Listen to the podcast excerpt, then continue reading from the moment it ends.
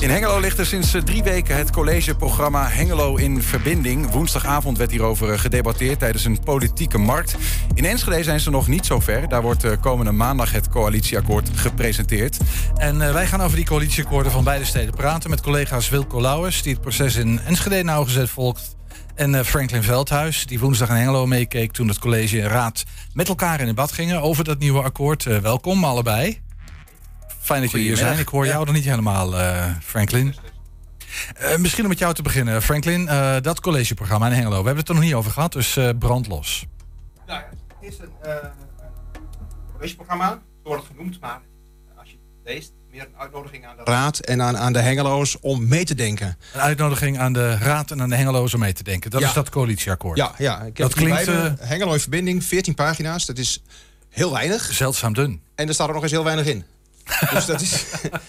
dat is uh, wat, wat, wat betekent dat, Franklin? Dat er niet zoveel gaat gebeuren in Hengelo? nou ja, dat er nog wel nog heel veel moet worden afgesproken en heel veel moet worden besloten de komende tijd. de, de, de collegepartijen onder aanvoering van burgerbelangen, de grote winnaar, hebben gezegd: we gaan de informatie ophalen in de wijken, in de stad.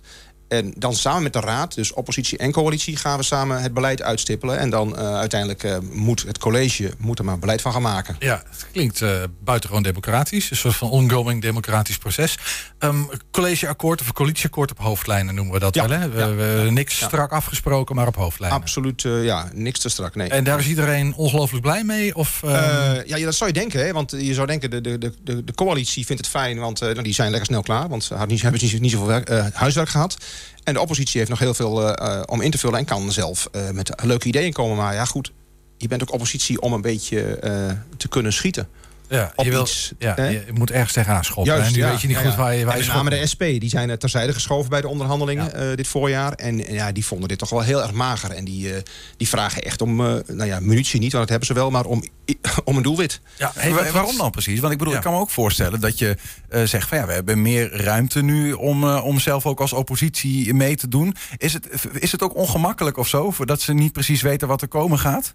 Ja, dat ook een beetje, denk ik. zeker een SP is natuurlijk gewend. Hoewel de laatste uh, decennia, de laatste acht jaar, twaalf jaar in Hengelo zaten ze in de coalitie. Mhm. Die wilden nu weer lekker oppositie voeren. En nu beginnen ze en kunnen ze niks. Uh, misschien is dat het wel. Um, ja, uh, en je moet ook iets, iets hebben om, om mee verder te kunnen. Nu moeten ze het zelf bedenken. En ja, die oppositiepartijen denken ook van... ja, had ons dan aan deze tafel gezet en de plannen laten maken... dan hadden we, hadden we iets gehad. Waarom kiest Hengelo eigenlijk voor, voor die benadering?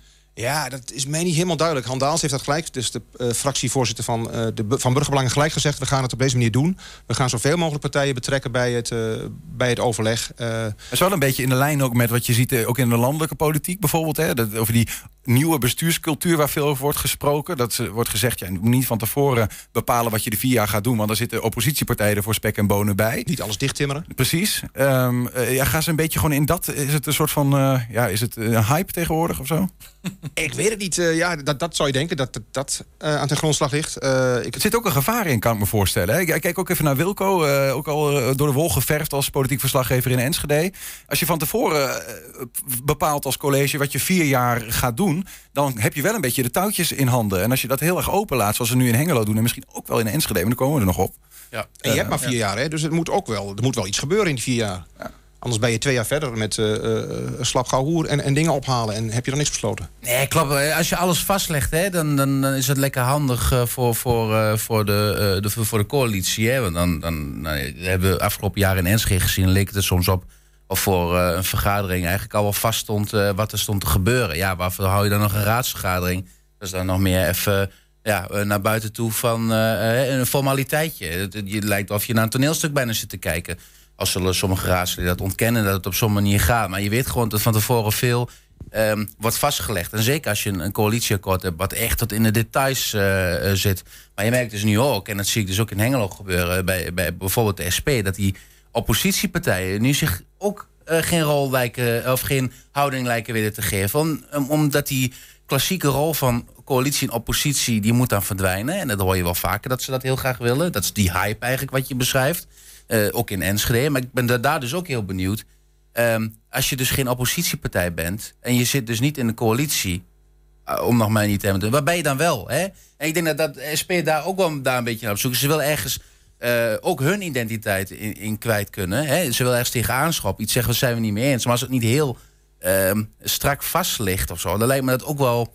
Je, je merkt dat die, die politiek nog in een nieuwe rol moet wennen. Misschien is, Eh, Ik, ik vraag me even af, hè. Ik, ik over jou aan. We hebben het er natuurlijk veel, eh, veel over. Maar is het ook niet een beetje een ehm, soort zwakte van, nou ja, die, die, die, college en de coalitie, daar moeten de ideeën en, de, en, de, en de, we moeten daar vandaan komen. En nu moet de raad dat ineens gaan doen. Maar is toch ook gewoon een, een, een taak van, van, van die raad om beleid ook mee te maken? Ja, nou ja, als ik iets vind van die lokale politiek eh, en, en de kwaliteiten van de afgelopen jaren, eh, maar dat, dat is al heel veel jaren denk ik, is dat je bent raadslid, hè, zonder last en ruggespraak zeggen ze wel eens, maar uiteindelijk zie je gewoon dat eh, het, eh, het partij, de partijdiscipline heerst. Hè. Eh, stemmen is tegen je eigen, eigen hè, ehm, fractie, als er een fractie van vier zit en drie stemmen voor, en jij vindt eigenlijk van niet stemmen als tegen je, nou, dan, wil- dan wil je niet weten waarvan gedonder dat binnen een partij kan geven. Tenzij je ziet dat de verhoudingen toch goed zitten. Als er een meerderheid is, dan maakt het ineens niet uit. Want er stemt er eentje tegen, prima.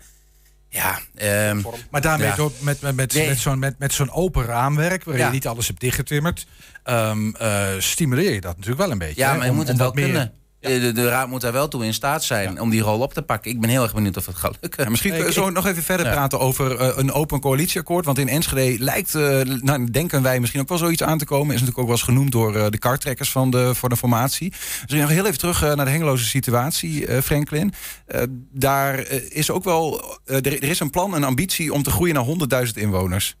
Eh, die, die zit nu op, het inwoneraantal. Eh, 82.000.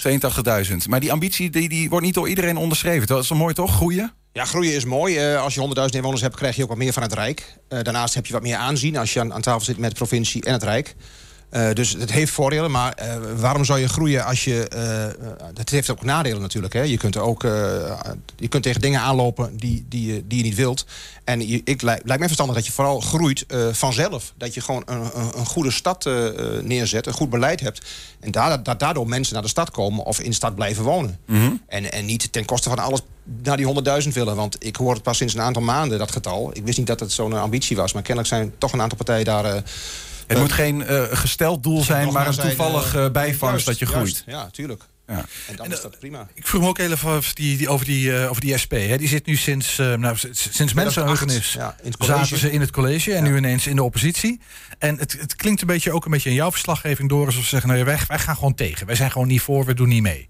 Is, is, is dat een beetje hoe het dat nou voelt? Of, of Ja, overdrijf ik het? eh, dat hebben ze wel gezegd eh, woensdagavond. Maar ook omdat ze dat geluid wilden laten horen natuurlijk. Ik vind het ook wel fijn dat er nog een elk van een partij zegt... van we gaan eh, ergens tegenaan schoppen. Ja, maar wat betekent dat dan? Wij gaan niet mee in dat opzicht. Ja, als je, wij gaan niet mee met een ehm, stuurloos schip of zo. Ja, eh, Ja, wij, wij willen gewoon dat ons iets wordt voorgeschoteld. En daar willen we wat van vinden. Wij gaan niet meedenken met jullie. Bedenk het zelf maar. Dat is een beetje het idee. is toch ook heel, ja, is toch ook heel gemakzuchtig, of Ja, niet? ja, Ik, ik, het is een beetje eigenaardig. Want Van het is wie? Van natuurlijk wie? een- Nou, Nou, het is in, in, in Hengelo een bestuurspartij geweest, al die Ja, jaren. ja. Die zijn altijd met ideeën gekomen. En nu ineens kunnen ze niet meer met ideeën komen. Nou, dat kunnen ze denk ik wel. Maar willen goed, ze eh, zij zullen erop afgerekend worden als ze met ideeën komen... die straks worden weg, weggestemd. Dus ja, ik snap het wel. Of vinden zij het ook gemakzuchtig van het college? Dat ze geen ik. eh, Ja, ja, programma, dat, geen... dat, dat is in, in elk geval wat ze zeggen. Dus de nieuwe bestuurscultuur laat de, bes- de, de politiek een beetje in een kramp eh, Maar schieten. weet je, eh Han Daals gaat koffie drinken met eh, eh, Hugo Koetsveld. Dat hebben ze afgesproken, dus ze gaan nog wel vrienden worden. Eh, inhoudelijk zullen ze het nooit eens worden op heel veel vlakken. Maar, eh, ze gaan, eh, want Hugo Koetsveld heeft een brief geschreven, een open brief. Hij wil graag antwoord hebben eh, op een aantal vragen... waarom ze terzijde zijn geschoven bij eh, die onderhandelingen. Eh, misschien even over die kopjes koffie. Dan, eh, ik vind het wel aardig. In Enschede moesten er ook nodige kopjes koffie gedronken worden. Hè? Ja. Een eh, breuk tussen de VVD en eh, de andere coalitiepartners... PvdA, D66 en ChristenUnie. Nu komt er toch kort maandag... wordt er een akkoord bekendgemaakt uh, tussen VVD, Burgerbelangen, PvdA en ChristenUnie. Ehm, wat, gaan we, wat gaan we maandag zien? Dus ook een beetje een open coalitieakkoord. Ja, ja, ook weer dat akkoord op hoofdlijnen. Hè, dat is die hype eh, weer. Zo min mogelijk eh, keiharde eh, of heel gedetailleerde afspraken. Zullen best wel keiharde afspraken in staan. Maar zullen ook onderwerpen vermeden worden. Misschien wel de windmolens zal, eh, ehm, verwacht ik toch wel, ver- vermeden worden. Vluchtelingenopvang in zekere zin. Misschien nog op, op, op bepaald niveau, zeg maar. Je kunt of uitgeprocedeerde asielzoekers, wat NSG nog wel heeft, zou je iets kunnen bedenken. Maar echt de vluchtelingenopvang. een AZC, daar, zal, daar zullen ze ook wel een beetje vanaf blijven. Omdat ze dat dan aan de raad willen. Dat zijn juist namelijk de thema's geweest die voor die tweespalt uh, hebben gezorgd de afgelopen jaren. En dat klinkt dan heel erg leuk. Dat je dan een, een open akkoord hebt en, en dat je dan de fracties in de gemeenteraad vrijlaat. Aan de andere kant gaat Niet dat... alleen de fracties in de gemeenteraad, hè, ook de fracties in de coalitie. Ja, in, in die de kunnen maar, afwijkende standpunten. Dat, ja, dat bedoel ik ook. Hè. De, de, de fracties van die partijen in de gemeente, dat je die vrijlaat om daar een keuze over te maken. Maar aan de andere kant, ja, um, je moet wel met elkaar verder. Uh, ook op andere punten. En andere partijen zouden dit ook weer tegen elkaar kunnen uitspelen. Hè? Uh, ik noem maar wat. Uh, heel, heel concreet voorbeeld: win, um, um, duurzaamheid. Er komt straks waarschijnlijk een doelstelling. Uh, die bleek afgelopen jaren ook niet haalbaar. Dat zal de komende jaren, gok ik, ook niet zo zijn uh, dat het haalbaar is. heeft met uh, technische aspecten te maken. Maar er komt een doelstelling. En um, hoe ga je die doelstelling bereiken? Nou, niet met windmolens als het aan burgerbelangen ligt. En ik vermoed dat wethouder Niels van den Berg gewoon die portefeuille houdt. We kunnen ervan uitgaan ja. dat dat in het coalitieakkoord staat. Die windmolens, windmolens. die willen ze niet. Maar je moet wel die doelstelling bereiken. Hoe ga je dat dan doen? Met zonneparken? Ja, daar krijg je de handen ook niet voor op elkaar voor grootschalige zonneparken. Zon op dak dan? Ja, lijkt dan, dan zou je zeggen, de, de, degenen die tegen windmolens zijn, die vormen dan samen een meerderheid voor zon op dak. Maar denk je dat PVV en een Forum voor Democratie zomaar zeggen van... Uh, nee, vinden we prima. Die zijn helemaal tegen die doelstelling. Dus ze zullen ook daar tegen stemmen. Vind maar eens die meerderheid. Ik vind het nog best wel ingewikkeld. Ja. Ik denk dat het helemaal niet zo makkelijk is op heel veel punten om...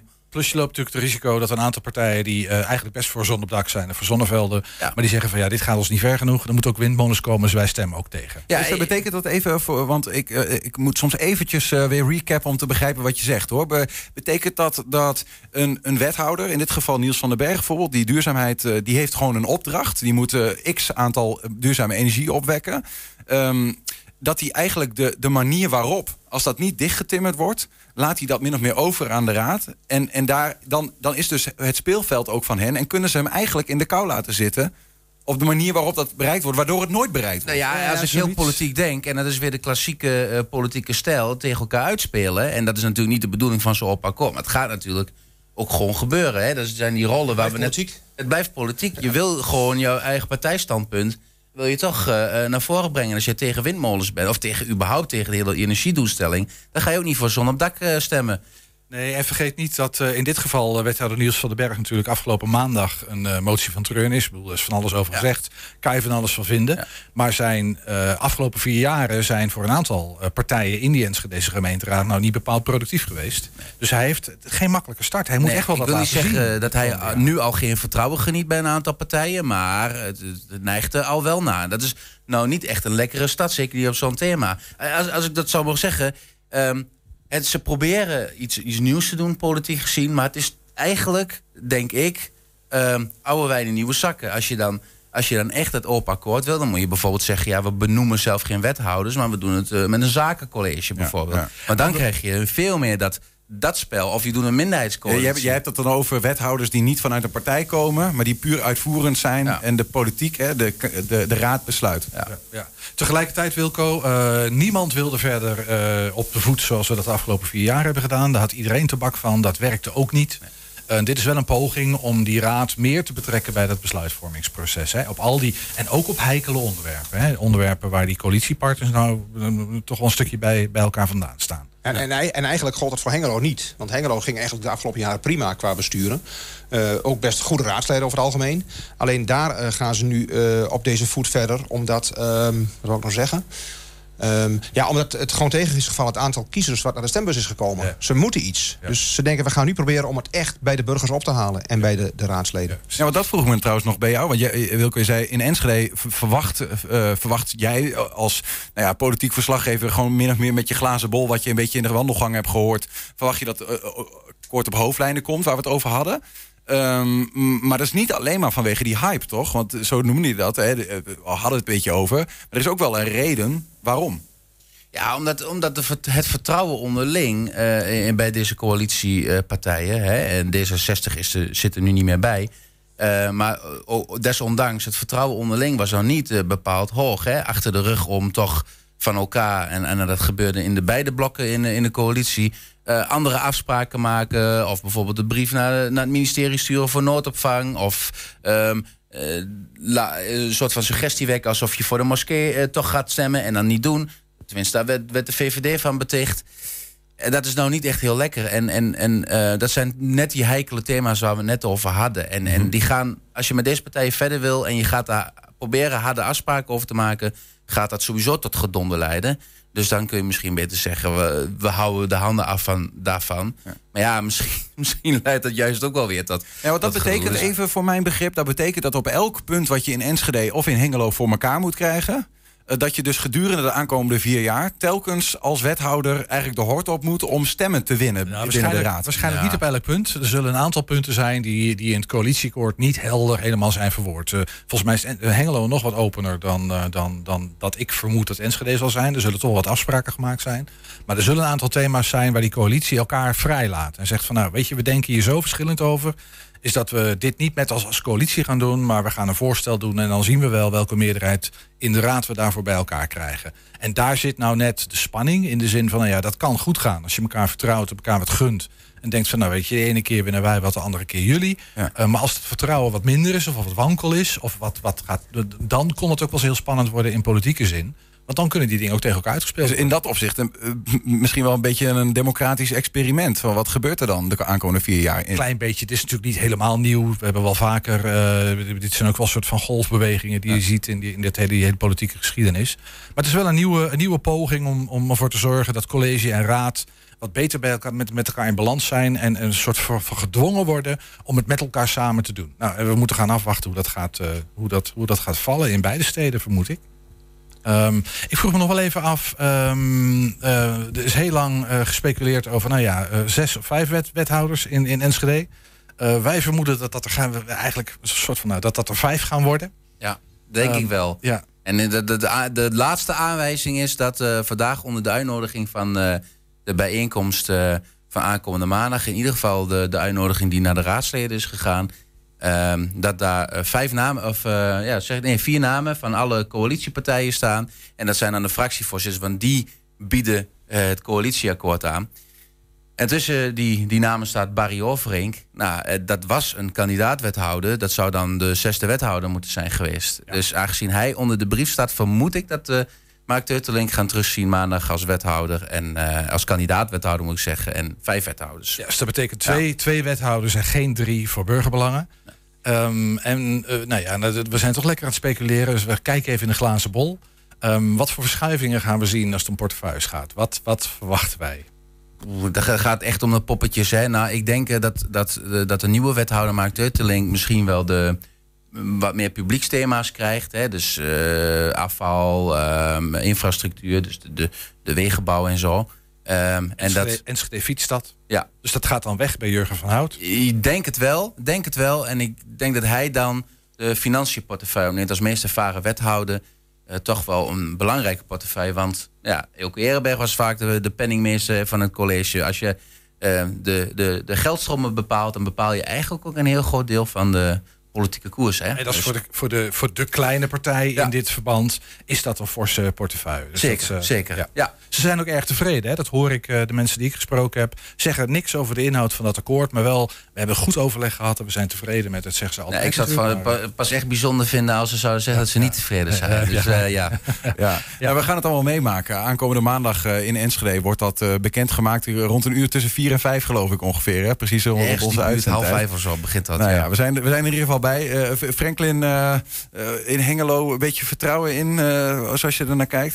Nou, ik vond het toch grappig. Vijf wethouders in Enschede is de verwachting. Hengelo heeft er vijf. Dus dat, zegt wel iets over de ambities in Hengelo. Dat ze toch Enschede naar de kroon willen steken. Maar ze hebben er altijd vijf gehad, toch? Of, nee, of- ze hadden er vier de Oké, vorige Dus periode. daar is er eentje bijgekomen. is eentje bijgekomen. Ja. Ja, maar ja, ze willen groeien, hè? 100, Daarom, dus 100.000 dat begint er mee. Ja. Ja, er ook wel eentje bij hebben. We gaan het meemaken. Dank jullie wel, Wilco Lauwers en Franklin Veldhuis.